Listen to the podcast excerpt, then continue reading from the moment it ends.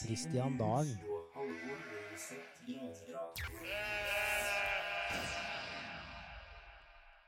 Ja, da satt vi her igjen. Ny episode med Alvdalspodden, og nå har jeg mista litt tellinga på hvor mange episoder vi har gjort, for vi begynte jo for en stund siden på del én, men men med Jon Roger Neslund, altså episode 16, men vi har ikke fått tak i annet noe mer foreløpig, så vi er fortsatt på del én, da. Men uh, får vi kalle dette episode 17, da, for det er jo første ja, hva skal man si, ordinære episode etter det. Vi har gjort noen livepodder og sånn i mellomtida. Og nå sitter vi nær en fin sommerkveld i slutten av juni, og jeg har med meg en uh, kar med like mye skjegg som meg sjøl, men uh, litt høyere og litt bredere. Kristian Dalen, velkommen. Jo, takk for det. Må jo eh, steppe inn nå. Jeg skulle jo, ja, du, egentlig så skulle jeg jo være gjest i dag, eh, skjønte jeg. Men eh, så ble jeg litt sånn gjest eh, med programleder. Litt sånn forberedelse til Livestock. Det, det blir jo spennende å se. Ja. Så jeg må passe på å ha på radiostemmen når jeg skal prate nå. Ja, du får øve deg opp. Ja. En av nyhusguttene han har til ferie, så da måtte du fylle rolla både som gjest og programleder i kveld, da. Det er sånn med så lærerne. De har så fryktelig lang ferie, vet du. Han må det. Ja, Du er misunnelig på den, tenker jeg. ja jeg er jo der, da, vet du. Ja. Ja, du eh, var inne på det nå. Du er lærer. ja. jeg er da det. Lenge har du vært det? Jeg starter vel på niende året nå. Jeg kom jo igjen når jeg var 23 år. Ferdig utdanna. Jeg gikk jo rett på lærerskolen etter eh, videregående. Så, og så ble det fire år der i Trondheim, og så skal jeg bare hjem igjen et år og jobbe litt. eh, Og det har nå blitt til ni, da. Ja. Så uh, jobba jeg på Steiskolen i eh, fire år først, og så har jeg nå jobbet på ungdomsskolen i fire år. Ja, det har blitt ei stund. Ja. Du er lærer, og så har du jo startet et eget foretak. Ja. Snekkerforetak. Ja. Fortell litt om det, da. Og når den interessen starta. Ja, jeg har jo Ja, når starta? Nei, jeg var jo i forhold til at jeg skulle Jeg to, kjøpte hus sjøl, og jeg har jo alltid måtte, likt å snekre, sjøl om jeg ikke har gjort det så mye. Jeg har drevet med så mye annet rart. Eh, men så, når jeg tok og kjøpte hus, så måtte jeg begynne å pusse opp.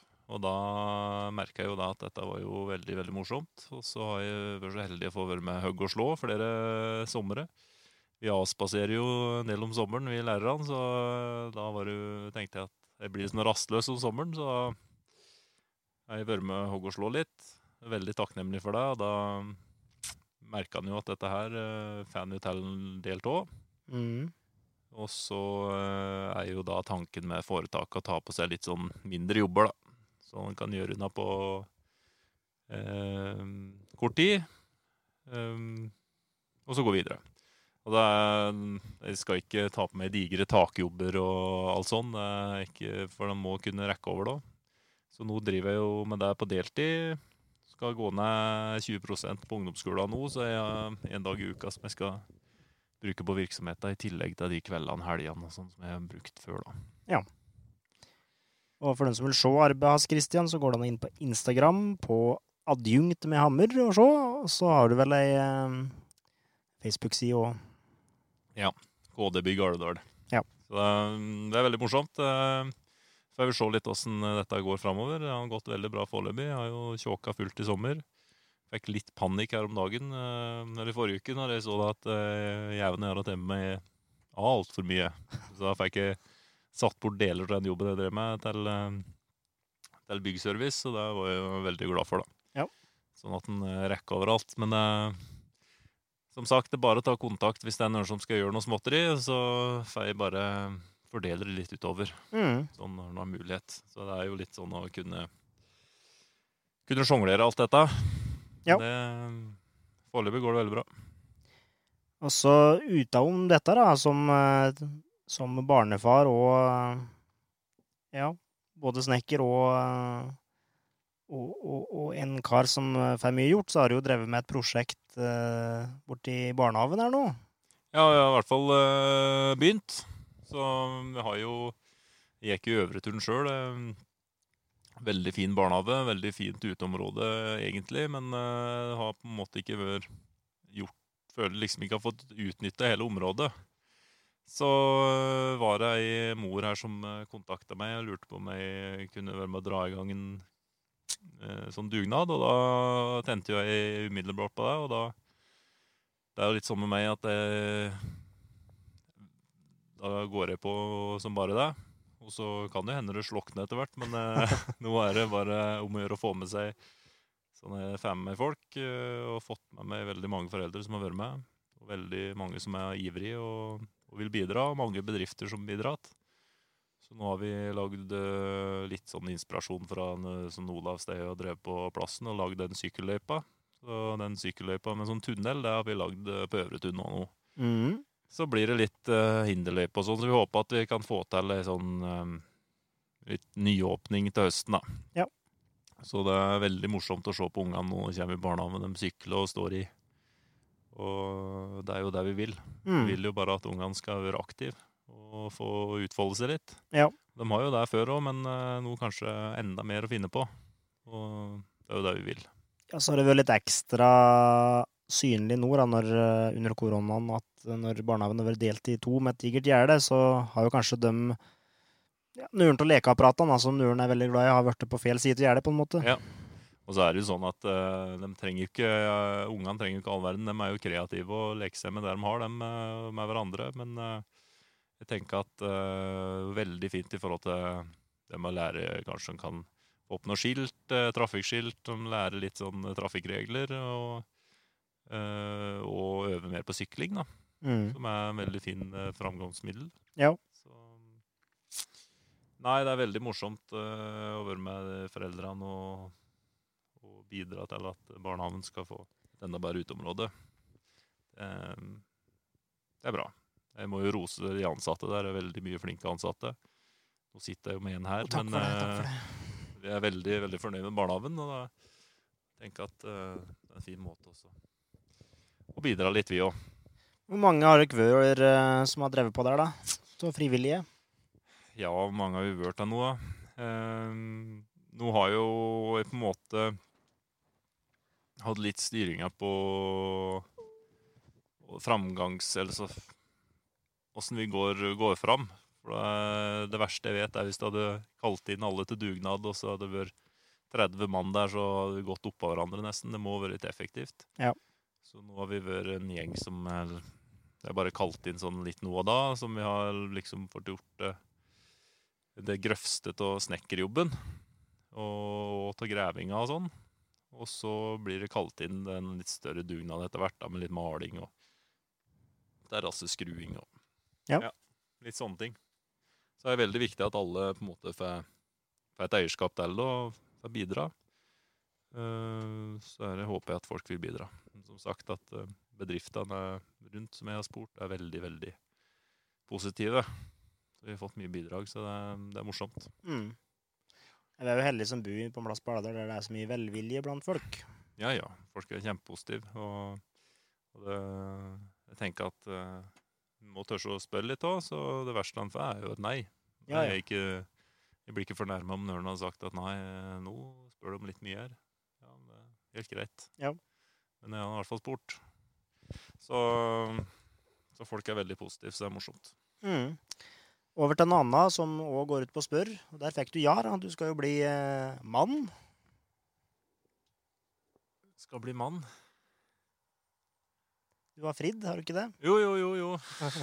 Tenkte hva i alle dager. Sist jeg sjekket, så var det mann. Det hang en skrue der. Jo, jo. En eh, sånn mann, ja. Ja, det skal jo. Skal jo gifte meg til høsten. Jeg tenker jo at uh, ei dame som heller ut med uh, en som driver med så mye forskjellig rart, uh, må en jo passe på å ta vare på. Så hun stakkar, hun sitter nå litt uh, hjemme for seg sjøl innimellom, men det, det roer seg mot vinteren. Åssen var det du fridde, da? Hvis du vil gå inn på det. Nei, det Jeg tenker at det var ikke noe spesielt romantisk. Vi satt vel i sofaen hjemme og så på TV-en, da. Så kom Nei. Nei, jeg tenker at uh, Alvdølene skal få slippe å høre min historie. De, jeg kan bare si at det var ikke spesielt romantisk, men uh, hun syntes det var veldig veldig ålreit. Ja. Så da mm, vet jeg, Vi har et uh, veldig, veldig godt forhold, så, så det, det blir bra. Har du noen forventninger da til uh, gubbetilværelsen? Gubbetilværelsen. Ja, den begynner å komme, for jeg har oppdaget grå hår i skjegget mitt. Så jeg har så vidt passert eh, 31 år. Så det er jo Det spørs da om det er dette her som gjør det. Skal vi se i eh, 30. oktober så er jeg helt kritthvit. Ja. Det kan hende det er det som liksom er sånn tegn på at uh, Da visner jeg. blir 17. Ja. Nei, det, blir vel eh, ganske likt, vil jeg tro. Det er bare at du flytter den forlovelseselen av ringen over på andre fingeren. Det er vel det som eh, er greia. For det er forlovet skal du ha den på venstre, og når du er gift skal du ha den på høyre, tror jeg. Ah, Tror jeg, da. Det er det jeg har hørt. Men som sagt, jeg er ikke noen ekspert på dette. jeg vil høre det hvis det Ja. Så jeg tror det blir eh, helt likt som det var før. Um, like bra. Så da Ja. Ja. Jeg tror jeg forventer at det blir en heidundrende bryllupsfest. Det gjør jeg jo. Det jeg håper jeg, bare tror jeg. være, eh, koronaen eh, avtar litt. Jeg håper jo det. Ja. ja, for dere har utsatt allerede en gang, så får jeg håpe at det blir ved neste korsvei. skulle egentlig gifte oss om lørdagen, så og når jeg ser på vær, værmeldinga, sånn, så er det jo litt surt å ikke kunne gjennomføre det. Men uh, i forhold til de begrensningene som er nå, så går det ikke an å gjøre det sånn som vi hadde lyst til. Nei. Og da utsetter vi litt. På en annen måte, da hadde du ikke sittet her, sikkert. Nei, hadde sikkert meg. ikke det. Da tviler jeg på at vi hadde tid til det. Ja. Litt inn på eh, idrett. Eh, Det er jo fotball-EM nå, og du har jo sjøl vært eh, aktiv fotballspiller. Mm. Har jo det. Mange kamper har du for Alvdal A-lag. Det er jo ganske mange. Jeg, um, Hvor mange sesonger på A-laget var jeg hadde da? Skal vi se, Jeg må telle litt nå. Nå husker jeg ikke helt når jeg ga meg, da, for det blir bare sur med disse sesongene som ikke har vært. Du har ikke i det helt, si. jo, det har jeg jo. Jeg, eh, jeg er med litt å trene nå, men eh, det er, jeg er såpass dårlig blitt, så det er ikke noe å sette ut på vann. Da må det være helt krise. Dårlig knø har jeg også. Jeg tror kanskje Trine hun sa det at uh, ryk det en gang til, Kristian, da, da vet jeg ikke hva jeg gjør. Nei. Nei, så det er litt sånn mer uh, Skal nå ha seg knøa til en uh, stryk, så forhåpentligvis så er det ganske mange år til. Mm. Um, nei, jeg vet ikke hvor mange kamper jeg har. 250, kanskje. Når debutert, debuterte du, da? På fotballbanen? Ja, eh, jeg var, jeg gikk i tiende klasse. Husker jeg jeg fikk melding til Newell Phillips når jeg satt eh, Da var, var ikke mobilfri skole da. Newell Phillips var trener. var Alvdal Folldalen. I Det som var den laveste divisjonen, femte divisjon. Og da var det krise. Så da kalte de inn og spilte vi mot Åren på Kirkehusmoen. Ja. Før kunstgraset kom? Før der. kunstgraset kom, ja. Tapte man før salig vind. Og tapte 6-3 i debuten min mot Åren. Og det var jo uh, helt krise. Så klart jeg syns det var kjempestas å få debutere på A-laget til Alvdal. Det var morsomt. Og det var jo sånn som en Da spilte jo Bernt Plaskar blant annet. og Erik Sørli og Ja. Eh, Så det ble eh, to kamper det, det året, og så slutta jo alle. For de holdt på å rykke opp, vet du. Det var Ja. En sånn, eh, en sånn batalje med Rennebu, den som kriga liksom i toppen der, og så klarte de ikke å rykke opp, og da slutta nesten alle, og da var det jo fritt fram. Mm. Så da mm, Året etter så ble det jo mye kamper, og så Ja, da har han spilt der siden ja, da. Ja. Så, um, Så har du ikke vært så høyt opp som i tredje divisjon ja, i løpet av din fartstid. Det var vi, det var ganske mange år da. Vet du, var det fem år? Ja. Fem sesonger. Og det er jo en prestasjon. Det var jo uh, Jeg må jo si at det var ekstra stas det første året da vi rykka opp uh, Rykka opp fra fjerde til tredje, for da det som var litt ekstra stas, var Tynset rykka jo ned til fjerde, Ja, så da var vi plutselig over. Da var vi plutselig best i region. Så nå var- varte jo det dessverre bare ett år, da, men uh, nei da. Så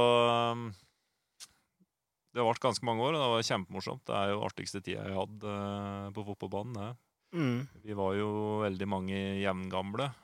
Spesielt den 91-årgangen var jo veldig god. Med Marius Rosmæl og Brennerybrødrene og Streitlin og mange. Mm. Eh, og så var det noen flere fra andre kull, og så kom det jo på flere etter hvert. da. Mm. Så vi klarte å holde på den stammen i ganske mange år, og det Jeg skulle ønske at vi hadde bodd her alle sammen, da, for da tror jeg vi kunne ha vært veldig, veldig gode. Ja, det er jo det som er problemet, at folk studerer ofte Ja, ja. Trent... i den alderen der, og det er litt gjennomtrekk, men eh, trente sammen annenhver fredag, da, for da Før hjemmekampene, da da kom var alle hjemme igjen. Ja. Eh, på fredagen, så da fikk vi eh, kjørt gjennom. Mm. Nei, det er artigste tida jeg hadde på fotballbanen. Var utrolig morsomt. Vi krangla og flirte og alt sånn som det egentlig skal være. Ja. Uh, så det savner jeg jo veldig, men så, det er jo tid for alt, da. Det er veldig morsomt på, på A-laget nå òg. Ja, for nå er du jo i trenerapparatet. Og i det.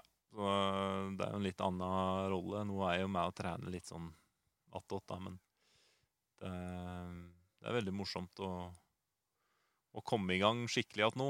Mm. For nå har det jo vært en veldig spesiell, eh, spesiell tid.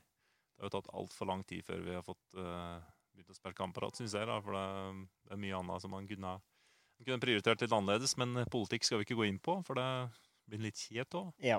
Men det um, Ja. Det er veldig viktig at folk får utøve breddeidrett. Det er liksom eh, Å komme seg ut, treffe folk, være sosial. eh, Det er kjempeviktig for folkehelsa. ja, så bare det å nå prate om at Ja, eh, ja. Slenge Den prater jo bare tull. ja, Det er jo det som er litt sånn der eh, mental hygiene òg. At du bare renser alt. ja, ja. prate om alt mulig tull. Eh, og det er sikkert dem som hører det, som ikke er vant til det, syns sikkert dette er helt pottesnort. Det er utrolig morsomt. ja så skal det være, det skal være lov med litt temperatur òg, bare det ikke går over til å bli stygt. Ja, ja, ja. Det, jeg har jo en, eh, en av bestekameratene mine, Erland Slåen. Jeg, ingen jeg krangler så mye med på fotballbanen som han, og vi var jo på samme lag. Ja. Men det, det gikk jo over. Det er ikke noe skummelt. Det er bare at vi veldig gjerne ville vinne begge to. Mm. Så Men litt tilbake til Alvdal Tynset. Han skal jo aldri glemme at Tynset har jo aldri vært høyere enn det Alvdal har vært i divisjonssystemet. Og dette, dette sendte inn jeg vet, en, en podkast som vi begge hører på, som heter Rasmus og Saga, som Ja. er en, eh, en podkast som Adressa har, avisa. Og der eh, er jo han Ole Kristian Sagbakken er jo en av gjestene, og så var han meg... Ja. ja, så var med i en annen podkast, og så sendte jeg inn liksom der at uh, hvordan føles det å aldri ha vært høyere enn Alvdal i seriesystemet, for han skrøt så til Tynset. da. Ja. Der ville han ikke svare noe særlig på. Nei. Så det er, nok, det er nok litt sårt for tynsettingene, dette. Ja, der, er, eh, vi får i hvert fall kram- klamre oss til det der, da, for at nå Vi må jo bare innrømme at vi er ikke like gode akkurat nå. Sjøl om eh, vi har ganske bra lag, altså, men uh, Tynset er nå et par divisjoner over. Det skulle bare mangle når de er dobbelt så mange innbyggere. Ja da. Den, eh, sånn er det nå bare. Eh, hvis du skulle sette opp en sånn eh, hva skal jeg si, topp 11 da, til folk du har spilt med, sånn eh, på, på, på, på sparket her, På sparket her, ja. åssen formasjon ville du ha gått ut i? Nei, jeg må vel Jeg er jo egentlig en 4-3-3-mann, da. Men så syns jeg òg 3-5-2 er veldig veldig spennende. Mm. Og 4-2-3. Nei, nei, men eh, nei, 4-3-3-3-5-2. Skal vi se. Jeg må Skal jeg ha med meg sjøl, da? Du kan få ha med deg sjøl, ja. det er klart det. Ja, jeg må ha med meg sjøl, da. Eh, men det er jo ikke noe tvil om hvem som skal stå i mål. Det er han kjeftsmella fra oppe i brenna her. Trana. eh, som jeg har spilt med stort sett hele karriera. Spilte jeg med Marius. Mm. Og så vidt spilt litt med en Arne Solvang og en eh, Elle Farsø nå, men ellers så, så er det Rosmern som har stått bak og kjeft og smelt. Mm. Veldig, veldig god på sitt beste. Ekstremt god. Det er jo et eh, Jeg syns jo det er helt ja, jeg synes det er veldig overraskende at han ikke fikk mulighet litt høyere. Han eh, prøvde seg så vidt det var, men de sa liksom at han prata på at han var litt for liten, men han hadde en ekstremt god spenst og veldig god teknisk. Så Ja. jeg kan ikke skjønne helt det. Men uh, uansett, Han var veldig veldig god på sitt beste. Redda oss uh, mange år. Mange kamper. Mm. Uh, vi hadde jo i perioder den beste keeperen, syns jeg, da. Og I tredje divisjon nå. Så han, han er god, altså. Og så tenker jeg på Skal vi starte på venstreback, så må vi vel ta en uh, Lars Petter Streitlin, da. Han var jo veldig god. Ikke bror din? Nei, Jeg kan heller sett han på høyre. Ja. Ja. Få Lars Petter på venstre. Han har veldig god venstrefot og skåret mye mål. Og spilte med han i mange mange sesonger. Han spilte jo midtstopper òg. Og så må jeg ha en Anders Horten. Det er vel mm. kanskje den eh, midtstopperpartneren som jeg har spilt best med. Jeg syns at vi var Når vi var i de kampene vi var skikkelig på, så fungerte det veldig, veldig bra. Var det, han var så rask. Han var ikke så god med bollen, men ekstremt rask. Og duellsterk. Så det, og det, jeg var jo ganske duellsterk, jeg òg. Det fungerte veldig bra. Kan vi bare si for ordens skyld da, at sånn, sånn demografien blir rett her, at Lars Petter er jo Folldøl, og en, eh, Ja. Anders er Osing. Ja, det stemmer. Vi, vi har spilt Vi har Alvdølan. Vi, vi er litt sånn internasjonale. Ja, ja. Det er som Real Madrid, det er liksom eh, Galaxy. ja. Og så har jeg sjøl der da. Jeg har vært med der, jeg òg. Og så tar vi en uh, Ole Syver på høyreback, da. Det er jo litt sånn Det er jo flere andre som spilte var gode på å spille høyreback. Jeg kommer liksom ikke på alle jeg har spilt med, da, men uh, Ja, det har vært en del i løpet av ja, alle de år. Ja, da tar noen, syv, Sy tar noen Syver der, da. Men uh, det er, jeg må si at det er en sterk konkurrent inn uh, Nikolai Martens fra Røros. Ja. Han var uh, på Alvdal én sesong. Uh, kanskje den med størst potensial til alle jeg har spilt med. Uh, og veldig god, men eh, han får være på benken, da. Han, Han han, spilt- han spilte bare ett år, så da Han med, faktisk. På Ja. Røros, da. Ja. Og jeg tror det er nesten den beste Utenom en Marius Rosenberg, så tror jeg det er den beste jeg har spilt med. Han eh, var veldig, veldig god. Eh, men Ole Syver før der, han eh, var i uh, øret potet. Han spilte jo helt til for to år siden. Nå vet jeg ikke helt om han skal spille. Jeg tror ikke det, men jeg har ikke spurt ham ennå. For ordens skyld, hvor gammel er han blitt? Han er nå 35, Ja. så da begynner han å bli voksen. Det kan jo hende at Jeg tror han har litt vonde føtt. Så det er jo greit for han at kanskje føttene hans fungerer, og han har jo en jobb som avhengig av det. Eh, så Nei, Ole Syver før der, han spilte mange kamper for Ørdal og, og en del for Tynset. Og så eh, Han har jo alltid vært en sånn eh, Du vet alltid hva du får. Det er til å stole på møte opp på treninger. og Sjøl om han eh, begynte å, siste året, så etter han tok over gården, så begynte han å bli sen på treninga fordi han var så sen i fjøset. Han skylder på deg, vet du. Ja, det gjør det. Nei, så eh, på midten, så der er det mange gode kandidater. Jeg må jo ha en Tor Christen Bjørn. Uh, var veldig, veldig god på sitt beste. Skårte mye mål. Sprang og sprang og sprang og sprang. Uh, og veldig smart spiller. Mm. Var liksom ikke sånn teknisk vidunder, han heller, men uh, veldig lur i alt han gjorde. Klarte alltid å klemme seg mellom motstanderne bollen. Pirka, pirka hele tida. Mm. Det minner meg litt om han eh, hvis noen har sett en Christian Eidsvåg på Tynset. De var ganske like fotballspillere. Ja. Eh, DC var veldig god. Og så Skal vi se, da må vi ta Flere skal vi ta der, da? Eh, må vel han eh, store sønn, da. Hyttekongen i Baugsberget. Der eh, kan du ikke si at det var teknikken som spilte inn der, men eh, maken til løpsmaskin Og rivjern. og rivjern, det er Når han var på jævla han sprang noe så inn i gransken. Jeg husker jeg spilte mot Ottestad en gang. Han, han var overalt. Vi vant 3-2 på gras på Ottestad. En kjempehard kamp. Og han eh, På slutten han var, han var bedre enn alle. Absolutt. Han vært bare bedre og bedre og bedre. Det jo lenger ut, og jo tyngre de andre ble i føttene, jo bedre ble han. Ja. Lurte jeg på at etter kampen Jæven han sa Eggen, nå, nå har du nå har du sprunget mye. Ja, Jæven, jeg kunne sprunget hadde noen omgang til. jeg. det var greit. Så han får være med der. Ola Sandeggen, altså. Ola Sandeggen. Jeg regner regner med at alle skjønte det. Baugsbergs Store Støen. Eh, Vi har lytter utafra Ja, ja, bygda, vet du, så Så eh, prosjektet han driver med nå, forresten, er veldig spennende. veldig. Um, skal vi se siste plassen på midtbanen der, da.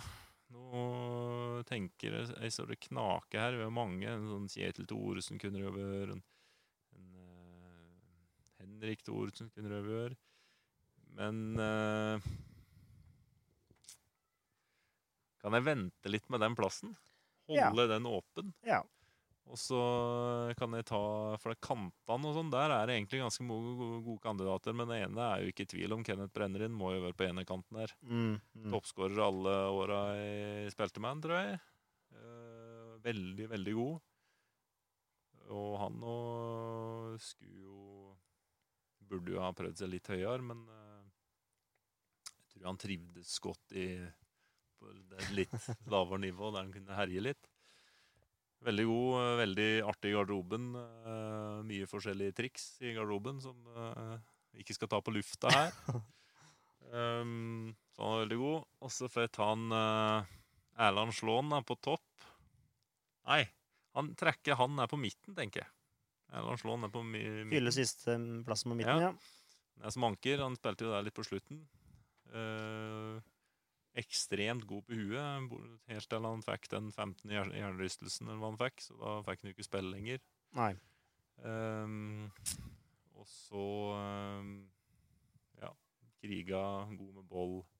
Egentlig god på veldig mye. Nærland er problemet at det ofte Han var i veldig god form en stund, og så slapp datt han helt ut, og så tok, måtte han jobbe seg inn igjen. Så var han en motivator. Ja, ja. Kjeft, kjeften gikk jo på han hele tida. Ja, både på positivt og negativt. Da. Litt sånn Steffen Iversen-type, nesten. Ja, på mange vis. Han er veldig, veldig god Nærland. Også. Du kan irritere på seg gråsten. da. Eh, mye gule kort og noen røde kort. Og. Ja, ja, så Nærland kan være der. Og nei, Nærland må være på topp. Jeg glemte, okay. ja, jeg glemte jo en uh, veldig rutinert ringrev som uh, Og eh, kanskje en til det beste. Tommy Strype, Strype ja. Nilsen, eller Ja. Berget Strype som han heter nå, da. Det er jo Ja, han er en til det beste jeg har spilt med. Han er ekstremt god, ekstremt god touch, god motor. god balanse, sterk i kroppen, ekstremt god fot. Så han uh, hadde mye uh, morsomt å spille med han altså, når han var i form. Han strevde litt med skader, men uh, veldig, veldig god. Men sånn kondisjonsmessig så kunne han jo ha gått inn igjen på laget nå, sikkert. Ja, for han er jo trener jo- gjennomtrent. Trener jo veldig veldig mye springing. Ja. Mm. Så Svein Tommy kunne fint ha gått inn og spilt noe, han. Ikke vært noe problem for han, men klart nå blir han blitt 40 år, da, så Men du klarer jo fint å spille 50-divisjon som 40-åring. Ja. Så Men det kan nok hende at det er over, jeg vet ikke. Tommy, Hallo? er du klar for å satse? Nei, eh, sånn, eh, Tommy må være der, og så er det jo sånn som, som sagt Kjetil og Henrik og flere på midtbanen som, eh, som var aktuelle. Jo Streitlin, men de har liksom ikke spilt nok med dem, syns jeg. Du må Nei. ta dem jeg har spilt en del med. Um, så var vi på venstrekanten, ja. Og så Nærland i midten. Og så er spørsmålet på andre kanten. Der er det egentlig ganske mange, men jeg tror Hvis vi går ut fra toppnivå, da Den beste så er Halvard Ligard, da. Ja. Sett han der, og så er det jo sånn som en Jørn spilte jeg med. Veldig, veldig god. André i nå. Mm. Veldig, veldig god. Um, Henning Olsbakk spilte jeg med noen år. Men tror jeg går for en, eh, Kenneth og Nærland og en Halvard på topp. Ja. Ja, sånn ut ifra toppnivå så må det være en Halvard, for han har jo tross alt vært i første divisjon. Ja. Halvard er veldig, veldig god, og siden han ble så skadeutsatt. Ja. Eh, Men ekstremt tempo og trekk og Nei. Ja. God. Yes. Alvdalspodden med Simen Nyhus og Halvor Riset Granli. Sånn avslutningsvis, Kristian, før du går over på programlederrollen her, da. Ja. Så eh, som lærer ja, så har du jo mye ferie. Eh, Avspasering. avspasering. Det er en Simen veldig gøy. på seg òg. Greit, kall det ferie. Ja, jeg gjør det. Ja, Som menigmann så gjør jeg Ja. det. Hva, hvis du skal rangere ferien, hva er, hva er den beste ferien, og hva er egentlig en sånn ferie du egentlig kunne bare Ikke, så nøye med den. Eh, beste er sommerferien. Fordi Det er sommer. Jeg er jo en sommermann. Jeg er jo ikke spesielt glad i vinter og snø. Og da er det jo kjempelurt å bo her. Ja. Det er vinter eh, stor del av året. Men uh, nei, sommer, ja. Og så tar vi påske nummer to, for da går det mot lysere tider. Mm. Og så jul nummer tre. Og så får vi ja, høst. Og så vinterferie, kanskje. Den som Nei, vinterferien er kanskje Det er jo alltid godt med litt fri, men uh... ja, Kanskje vinterferien er, det er, For det er kaldt da, og mørkt. Det er liksom ikke så mye å Nei, ta seg til. hvis du ikke er glad i vinteren, så er jo ikke det noe vinter som er noe Det gir ikke så mye heller, kanskje. Nei, det gjør jo ikke det. Sitte inne og nødfyre, da. Eh, liksom det. Nei. Men eh, jeg har et mål om å bli liksom bedre til å ut og gå litt på ski. da, Så bli enda flinkere til å ta med ungene ut på ski og sånn. Men det Jeg må jobbe litt med meg sjøl der, altså. Ja. Det er jo kanskje litt jeg. artigere når en har unger. Ja, Så ferien som egentlig er litt sånn ja altså, da, da må du på en måte Hadde jeg ikke hatt det, så hadde jeg sikkert ligget og sovet og purke og Ja. Ikke gjort stort. Nei. Nå, du må jo på en måte gjøre litt, da. mm. Så det, er, det viktige er jo at ungene får ut og lufte seg litt. Ja. Så det er det som er veldig fint med å ha de, de feriene, er jo at en har mulighet til å, å være litt med ungene og ta seg litt tid til det. Mm. Roe helt ned. Ja, for Forskjellen liksom på jul og vinterferie og påske og sommer er jo liksom at det er på en måte om sommeren da har du ikke det presset om at du må være med familie og dra og farte rundt, men det har du på en måte i de andre, for det er jo mer sånn en sånn sosial happening, på en måte. Ja. Det som er heldig med vi, da, er jo at vi har familien oppi her. Sånn jula og sånn, så jeg trenger ikke å være så stress. Nei. Vi har ikke noe sånn vanvittig mye familieselskap i, altså, men eh, vi syns det er godt å, når vi har fri, å roe helt ned. Mm. Um, jeg, som sagt, jeg blir litt rastløs om sommeren og sånn. Jeg liker jo å bruke hen. Det er jo derfor jeg starta dette foretaket òg. Mm. Uh, og gjør litt forskjellige ting. Jeg er veldig veldig glad i lærerjobben min og det å treffe elevene og sånn. Og så er jeg òg glad i å drive med helt andre ting òg. Ja. Så det er- ja, er en fordel å ha litt forskjellige interesser. Absolutt. Du, Christian, vi har fått noen innspill her, da, åt deg. Ja. Og det Ja. Det er av to du kjenner veldig godt, da. Ja. Det er av en eh, Ole Syver, Ja, din bror, og så er det av din eh, kone. ja. Eller kommende kone, da. Ja. Hvem har du lyst til å høre? Kone, tenkte jeg. I alle dager. Er det noe jeg har gjort? ja. Nei, hvem har du lyst til å høre først? Nei, det er Det er det er samme. Bare du kan få hver, da. Du kan få gjette. Det er en som har skrevet veldig kort, og så er det en som har skrevet litt lengre. Ja, kort er noe syver, da. Ja. ja. For det, ja, det er jeg helt sikker på. Nei, og innspillet hans, da. Kan du spørre han litt om utdrikningslaget hans? ja. Hvis han husker noe. Det var jo, ble jo et uh, sjøslag, det. Det var forrige helg. Det var forrige helg. Uh, sa forloverne mine, Folstad-brødrene, Martin og Erik, dem hadde jo en plan. Jeg hadde jo vært på sommerfest med jobb uh, på Huldra den fredagen. da. Så jeg tenkte jeg bare skulle søve litt ut. Og så våkna jeg jo av at typene der sto på rommet mitt og Kleppa deg dette her, sa de. Sånn Byggmester Bob, uh, snekkerbukse og Og så fikk jeg noen hjelm med ymse utskjæringer på, eh, som jeg skulle ha med meg.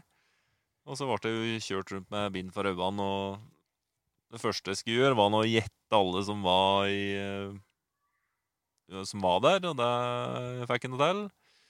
Uh, og så fikk jeg i oppgave å skjære ut av Trine Altså, det var en, eh, en eh, trestokk foran meg som jeg, som jeg skulle skjære ut. Eh, kroppen til Trine. Eh, første var motorsaga skjemt. For det andre så så er jeg ikke, jeg er ikke som fattern når det gjelder å bruke motorsag. Han har brukt litt mer motorsag enn meg, så det, det var jo ikke et, eh, ikke et kjempepent resultat. Men eh, jeg gjorde nå det jeg kunne, da. Står ikke i TV-stua. Nei, det gjør det ikke. Den uh, slipper jeg blir brent etter hvert. Og så fikk jeg oppgave at jeg skulle samle noen greier oppover uh, Steiela. Uh, jeg ble oppringt når jeg gikk oppover der, og da måtte jeg hente noe verktøykasse og noe forskjellig. Og da kom jeg opp på Steia, der var det jo yrende folkeliv. Det var jo 40-årsjubileet til uh, Alvdal turforening. Så det var jo mye folk der, og de hadde jo arrangert da en spi spikerkonkurranse. Så du skulle spikre fortest mulig fire spikeren ned i en stubbe utafor Huldra. Der det er veldig mye folk på lørdager. Ja. Og de hadde jo så klart da alliert seg med en uh, Skaren, en Terje Skale. Han er jo en uh, jævlig dårlig til å slå spiker, da. Så han eh, kom dit, og de hadde fått tak i fyrtom spiker. Det var altfor lite, sa han. Så han uh, reiste og fikk tak i en annen. Og kom med åtte tom spiker, eller hva det var for noe. Det var noen, vanvittig kolossale spiker. Og jeg skulle starte mot han, da. Det, for det første så hadde han slet med uansett om det hadde vært i dag òg. Men eh, det lønner seg å klare å treffe spikeren, da. Det, det begynte jo å bli såpass Ja. Ja. Det hadde jo gått noen timer siden det startet. Så jeg tapte mo- mot alle. Eh, Jeg avslutta mot Ann Ren Brenn. Da trodde jeg i vann. Det viste seg at jeg bare hadde slått ned tre spiker, og vi måtte slå ned fire.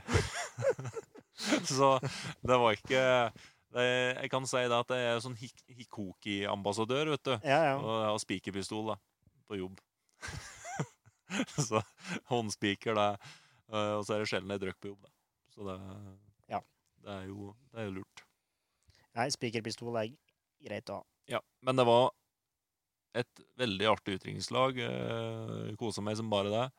Eh, men jeg hadde noen dager etterpå der jeg var litt tung. Så den mandagen da var det litt tungt å dra seg opp, men uh, må nå bare. Men vi har hørt litt forskjellig med noen som sa at dere var ferdig Nei, vi var ferdig tidlig på dagen, vi. Så har jeg hørt noe helt annet. At det gikk over til neste dag. Ja, det er, akkurat der kan jeg ikke svare helt, eh, helt på her nå. Klart det er noe sånn Når du startet så tidlig om dagen, så det varer jo fryktelig lenge. da. Ja. Starter klokka ni, liksom, så er det jo det er mange timer før klokka er tolv om eh, natta. Ja. Nei, men jeg tror han som uttalte seg om at han var ferdig klokka tolv, han tror jeg egentlig ikke hadde helt oversikt sjøl. Det var veldig morsomt. Du hører nå på Arendalsbotn. Alvdalspodden. Nei, altså Har jeg fått fra Trine, da. Hun har skrevet ganske mye pent om deg. Ja, det er jo Nå skal jeg bra, sette, fra, sette fram litt papirlommetørklær til her. ja. Skal vi se. Christian er en veldig snill, rettferdig og trivelig type som elsker å være sammen med folk. Veldig sosial og setter pris på å være med vennene sine. Ja. han er egentlig ikke så tøff alltid. Der fikk du den. Sjøl om en later som iblant. ja, det er jo stemme. Men han har en egen evne til å gå ut av komfort, komfortsona likevel. Og får som regel til den går i gang med. Ta for eksempel den gangen han måtte steppe inn som programleder i livesending for å oppleve Alvdal, da Audun Lutnes måtte kaste inn håndkle. Det er jo ikke sånn han ville meldt seg, på, meldt seg til ellers, men han tar ansvar der det trengs, og får jo det til. Stemmer. Det er, artig å prøve nye ting. Kontrollspørsmål, da. Hadde du takka ja til å være med meg som programleder på Livestock hvis du ikke hadde gjort den Opplev Alvdal-greia først? Ja, det er, det er Eller det er jo det er noe annet med TV òg, da. Ja. Det, er- det var Det å sitte og prate sånn her går jo helt fint, for det er jo ikke noen andre folk her. Nå på Livestock så blir jo det litt annet, men øh, skal nå prate med Traveling-gutta, da går jo praten ganske, ganske kjapt. Jeg kjenner jo disse der. Ja. Um, men jeg har aldri vært redd for å stå foran folk. Um, det kommer litt an på åssen settingen er, men sånn som settingen er her, så Jeg kommer sikkert til å være litt nervøs før eh, livestocken, men det kommer til å gå fint. Det går nok så fint, så. Men det var verre med TV-sending, og vi satt med kameraene på, og så skulle du inn da, og så skulle du sende skal du inn med innslag, og så skulle Ja. Jeg og Maren, vi var jo ikke Vi er jo, var jo ferske på det. Ja. Men det gikk, da. Ja, det ble en fin sending. Nei, og så nevner jeg jo at du har startet et eget eh, foretak, og at du syns du har en veldig pågangsmot, og er dyktig og har stor arbeidskapasitet, og at du tør å følge drømmene dine, sjøl om det kan være litt skummelt til å begynne med. Ja, det er jo Man er jo litt spent på responsen fra folk. Jeg må jo si det at jeg er spent på det, og det er sikkert noen som syns at dette her er helt hull i huet. Skal han gjøre det? Men uh, det eneste måten å, å sørge for at dette går bra, er å gjøre en ordentlig jobb. Stå på som bare det, og så se åssen det går. Mm. Det er liksom ikke så mye annet å gjøre. Det er jo ikke så stor risk med det. det jeg er ikke redd for å Hvis jeg sier at nei, men dette gikk ikke som du hadde tenkt, så Jeg tror ikke det kommer til å skje, men det gjør meg ikke noe, det heller.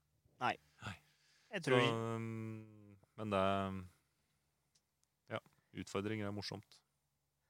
det er og jeg tror det kommer til å gå veldig bra. Det hadde blitt bra så langt. Ja, Så langt har det gått fint. Eh, nå blir han sikkert litt høy på pæra hvis du nevner det her, men han er faktisk skikkelig flink til både å lage mat og bake. Det er han som står for gjærbaksten hjemme.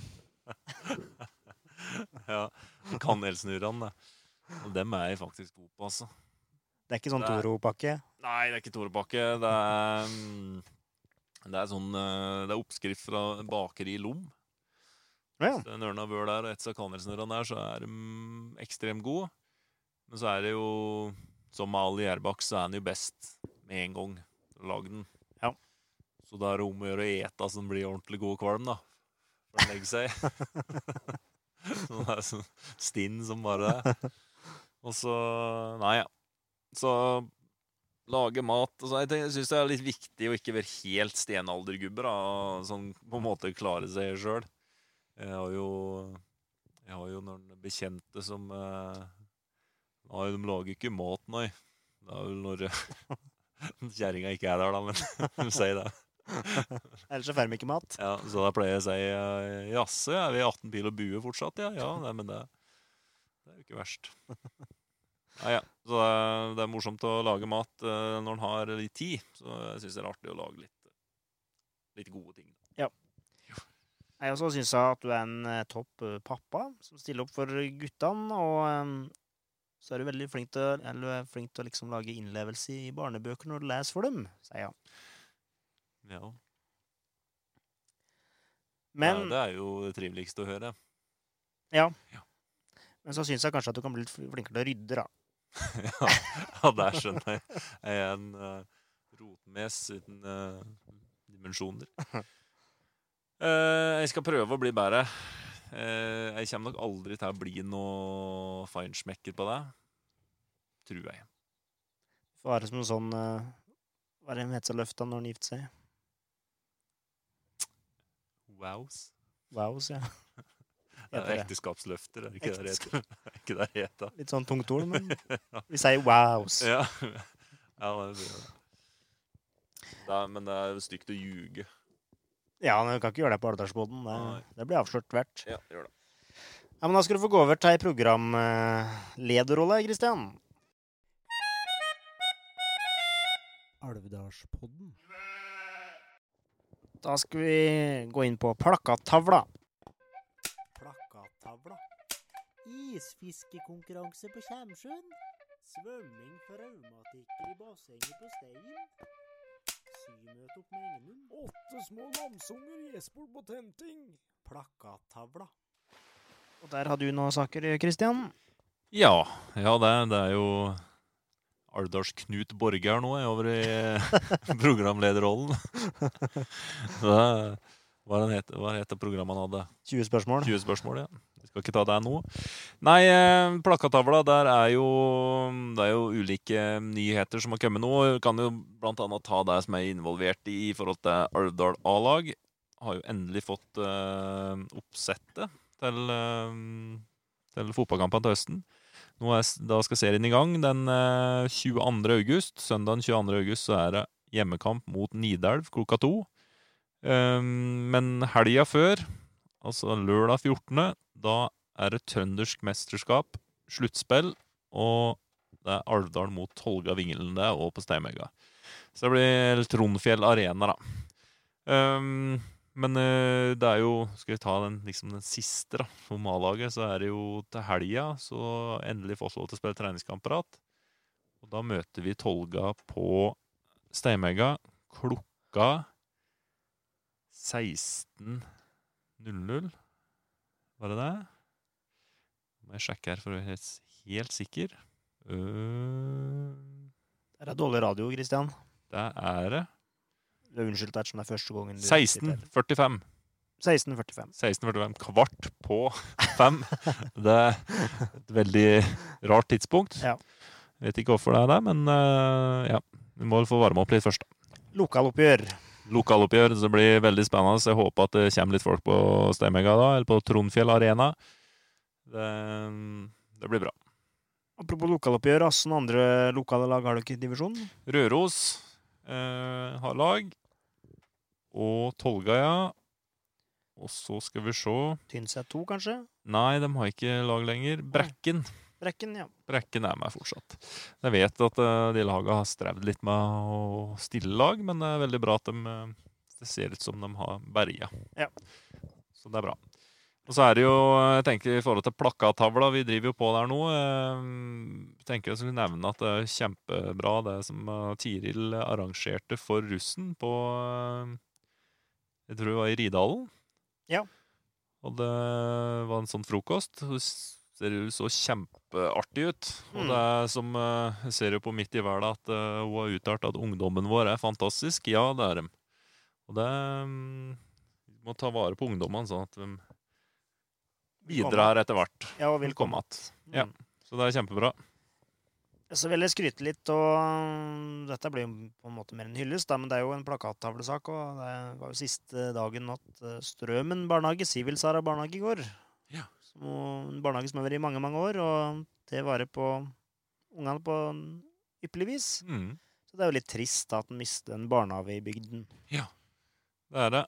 Da mm, håper jeg at eh, de to andre barnehagene tar godt vare på strømingene når de kommer. Absolutt. Det, det, det er veldig synd, men jeg håper at de får det bra dit de kommer. Og det er jeg helt sikker på at de gjør. Ja. Ehm, og så en uh, gladsak til. Uh, Alder Jeger og Fisk har vært i barnehagene og gitt ut fiskeutstyr. Både til avdeling Plassen og avdeling Øvretun.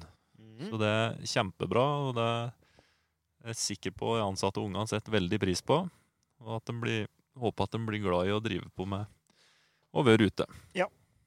Absolutt. Ja. Nei, altså Kommende arrangement så er det jo livestock da, til helga. Ja. Det er vel 18 billetter på barnekonserten med Tuveia og Chris Holsten, og eftaskonserten. Mm. Jeg vet det var prat på at de eh, skulle se litt hva slags eh, nye anbefalinger som kom, men det har vel ikke kommet noe mer, så, Nei, jeg tror ikke det. så det, de var jo litt spent på det. Ja.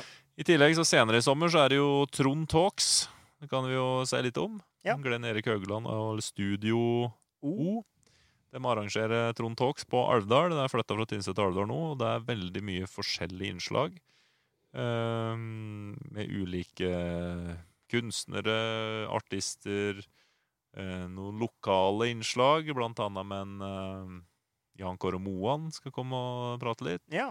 Og Jeg vil anbefale dere å gå inn på trondtalks.no og se litt på programmet. Mm. Uh, Jeg tror de skulle avslutte Eller om det var avslutninga De skal i hvert fall ha søndagsmiddag utafor Stein hotell. Langbord utafor Stein hotell. Han er jo eh, opprinnelig født i New York, en Glenn Erik, så det var sånn inspirasjon fra Sunday dinner. ja. Så det håper jeg mange alderdukker vil være med på. Og dette her starter jo da den 8. august. 8. august. Ja. Så det, jeg anbefaler folk å inn på Trond Talks og se på dette. En litt annerledes festival enn det vi er vant til. Absolutt. Og det, det er artig at det kommer noe helt annet og noe helt nytt. Ja. Sånn ikke på en måte hva skal si, mjølkes i egen næring. Mm. Så er det jo Jeg tenker jo I forhold til Turforeninga sitt 40-årsjubileum, og så er det jo ti på topp, og Barnas fem på topp, og folk eh, må ut på tur, tenker jeg. Stolpejakt er i gang, ja. Så dette her eh, Det er veldig mye muligheter for å være aktiv og nyte ferien i Alvdal òg. Mm. Så ja. Og så um, For å skryte litt av noen naboer over kjølen her, da. Tyldølan. De er jo ikke tynnsettinger, syns jeg. da. Der er jo Tryllefløyten Opera de Sæter arrangerer i helga, så jeg tror det er igjen noen billetter der. Så verdt å få med seg det òg. Så var det en ting til jeg skulle si, men det glemte jeg.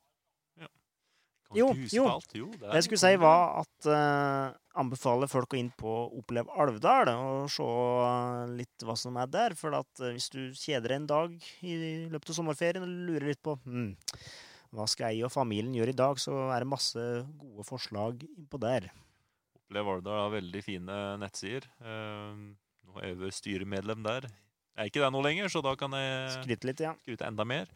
Uh, det er lagt ned en veldig god innsats der. eh, og det er jo både for uh, racelivet, og- men det er òg for det som heter bo og leve. da. Sånn at du kan se på, Hvis du er nysgjerrig på å flytte dit, så kan du se på uh, om det er noe hus som er ledig, til leie eller uh, til salgs. Så, Mm. så det, er inn og se på opplevaldor.no. Og besøk huset Aukrust i løpet av sommeren. Ja. Det er mange, eller, mange som sier at uff, nei, der har jeg ikke vært på mange år, men da tenker jeg at da er det på tide at du tar turen innom igjen. Nærmere barn eller barnebarn eller nevøer og nieser eller hva som helst. Eller race for deg sjøl. Det går òg an. Ja. ja. Men det sier vi vel var alt fra plakatsavla for denne gang.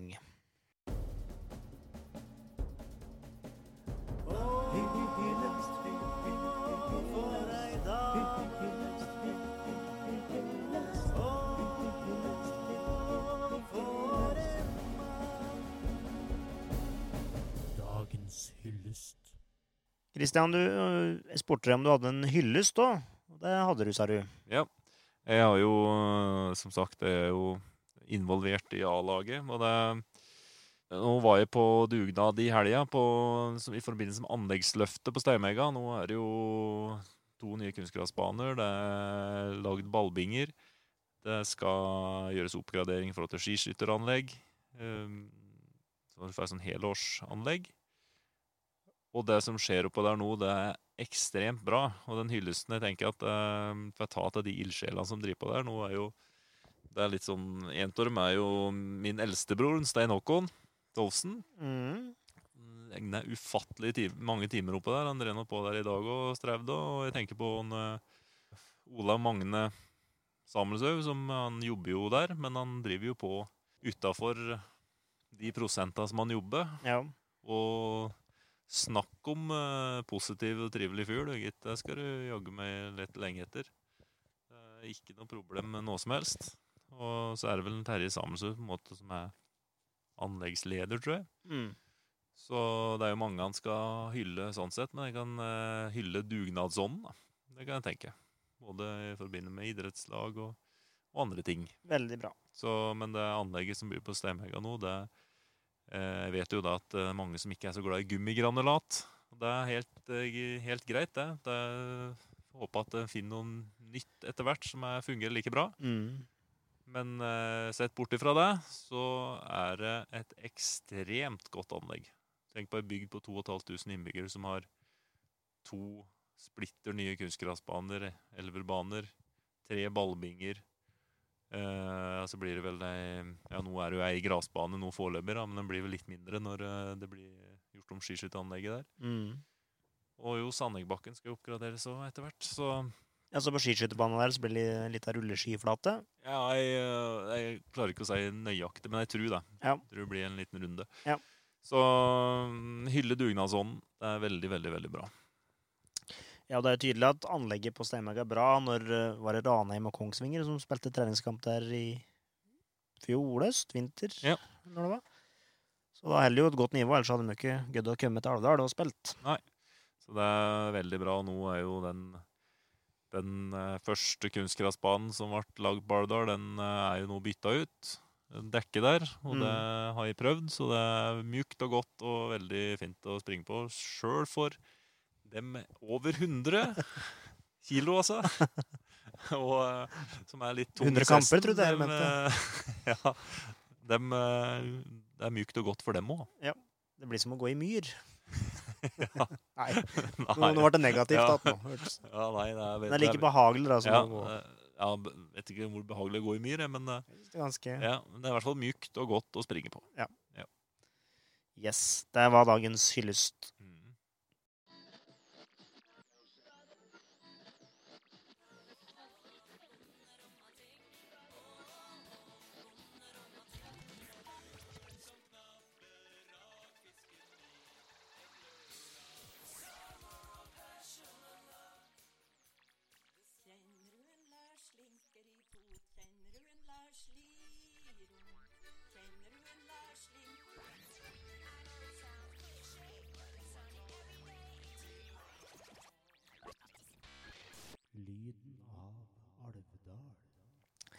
Eh, Christian, som du sikkert vet, så har vi jo drevet med en liten sånn eh, ny spalte Eion Simen, som heter Lyden av Alvdal, der vi prøver liksom å få fram uh, alvdalsmusikk. Ja.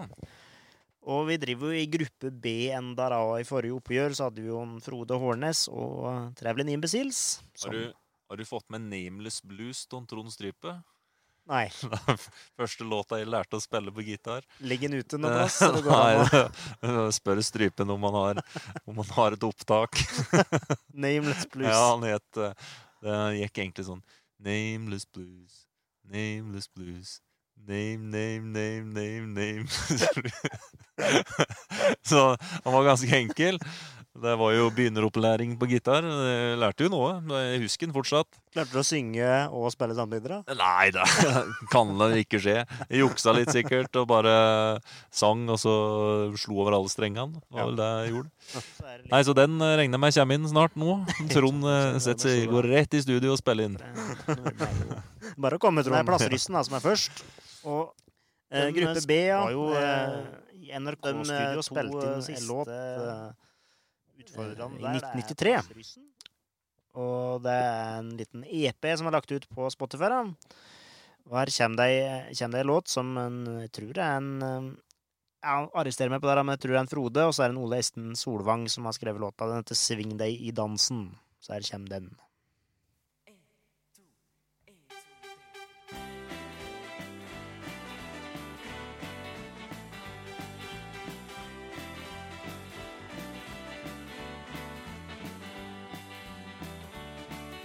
Nå skal vi spille her for deg i kveld. På dette sted. En lørdagskveld. Vi ser deg komme. I dress og stas. Ja, det er her. Det er galas. Så sving deg dansen,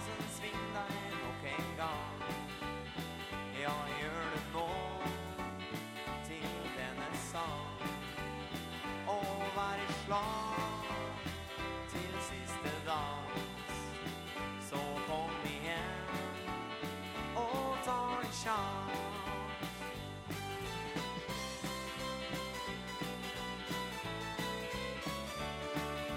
Hvis du lurer på musikken som er her Så er det plassryssen som scena bærer.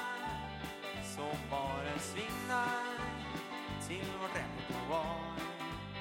Der får du swingrock, alt som du vil ha. Så sving deg, da, så sving deg nok en gang. Ja, gjør det nå til denne sang. Og vær slag til siste dans. Så kom igjen og ta en sjans.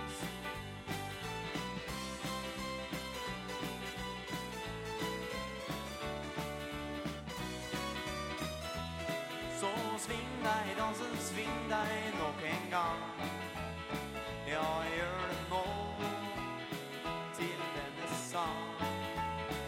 Og vær slag til siste dans.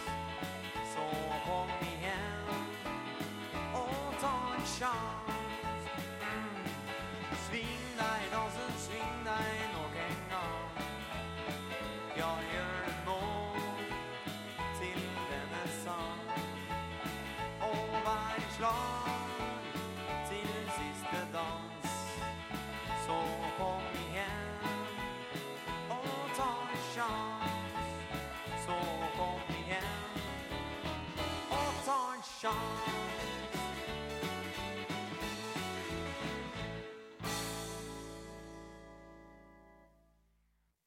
Ja, det var Plasseryssen med Lo... Sving deg i dansen, het den.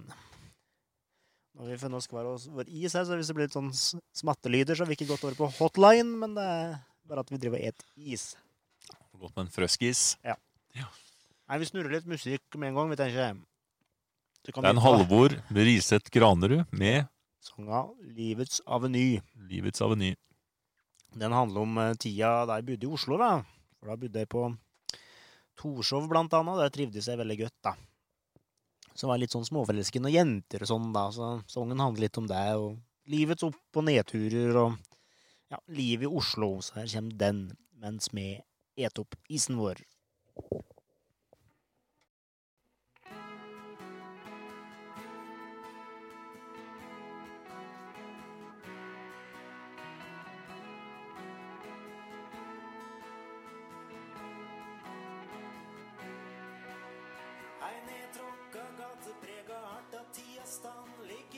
Langflatt som ei måke oppå himmelen. Har jeg slitt ut mange skor, slik som havet sliter sand. Alt er så gammelt i gata jeg bor. Ja, alt så gammelt i gata jeg bor. Her har jeg grini som en unge om kvelden. Her har jeg flira som en vår på tiurstek. Her har jeg gitt deg så mange varme klemmer til du tok avskjed med fullt overlegg. Kan starte på nytt om du vil, så får vi se hva framtida får til. Ei bikkje kan rekke gamle spor, men ingen penn kan fylle tomme.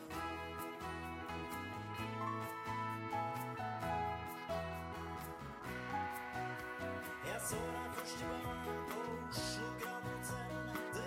av Chanel og champagne. Visste hvordan framtida skulle bli. Bare jeg visste hvordan framtida skulle bli. Du sa du var en student fra Trondheim. Jeg sa jeg var en sjenert bygdegutt. Dine lepper var som balsam for sjelen. Da du holdt rundt meg og kyssa meg til slutt.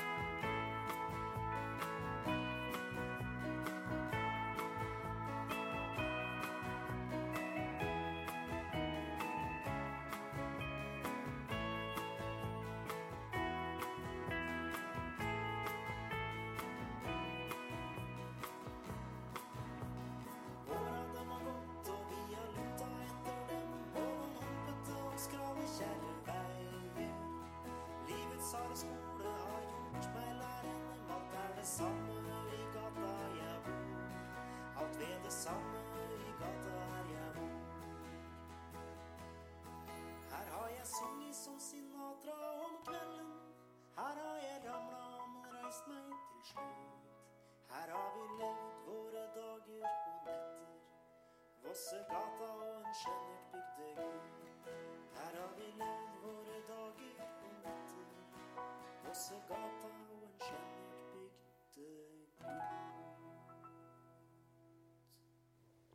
Ja, det var livets avenyre.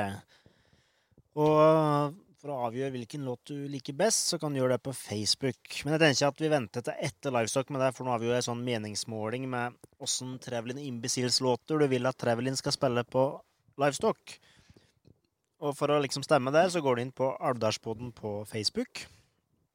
Og så ligger det en meningsmåling der, og da kan du trykke inn på det alternativet du liker. da. Og du kan trykke på flere. Ja, men det var vanvittig mye gode eh, låter, da. Lon Over der jeg ble jo Kjente det rockefoten gikk, jeg. Jeg så alle sånne der uh, Liv var i Spania, og Rumpa bar, og Ja, ja. Lada åtten Far, den er jo i ledelsen, ser jeg. Dette blir skikkelig artig. Monson Per og Ketchup-songen og Nei, det er Åh. kjenner jeg blir varm i hjertet. Gleder meg vanvittig til å høre Travel i natt. Ja, og jeg ser jo flere har lagt inn egne alternativ òg. Ja. På låter, så det er jo kjempeartig.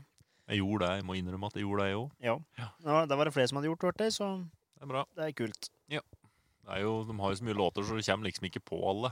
Nei. Så um, artig å se alle som dukker opp der. Ja. Så folk må scrolle litt nedover der og se på.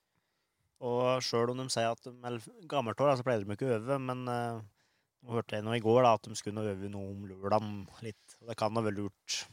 De blir eldre, vet du. og Ja, det er lenge siden du har spilt, vet du. Pandemien har jo ødelagt litt for dem òg. Må jo det. De skulle spille. Så jeg håper det blir mer spillinger på dem framover.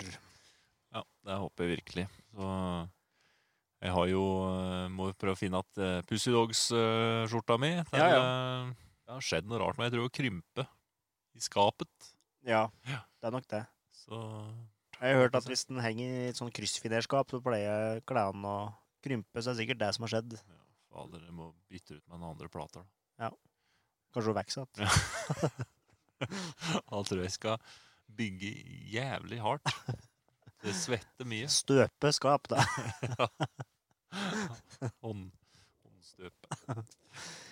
Yes. Nei, men da tror jeg vi takker for oss for denne gang. Og så tar nå Alvdalspodden litt ferie nå.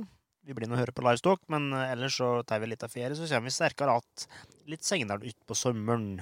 Så vi prates neste gang, vi, da. Så etter det så tar jeg en sånn permisjon Ja. etter Livestock. Du er vikar, så du må bare Vikar, vente på at du blir oppringt igjen. Ja. Ja, det gjør det. Det kan jo hende at en Simen plutselig skader seg. Ja. Hvis jeg syns at den trangen for å prate. Nei da, Simen, det skal ikke Eller at den- noe som er enda mer sannsynlig, at den plutselig den Simen skal i HV i tre uker. Ja, jevne skal han, ja. For det skal han, så hvem vet, kanskje du kommer igjen.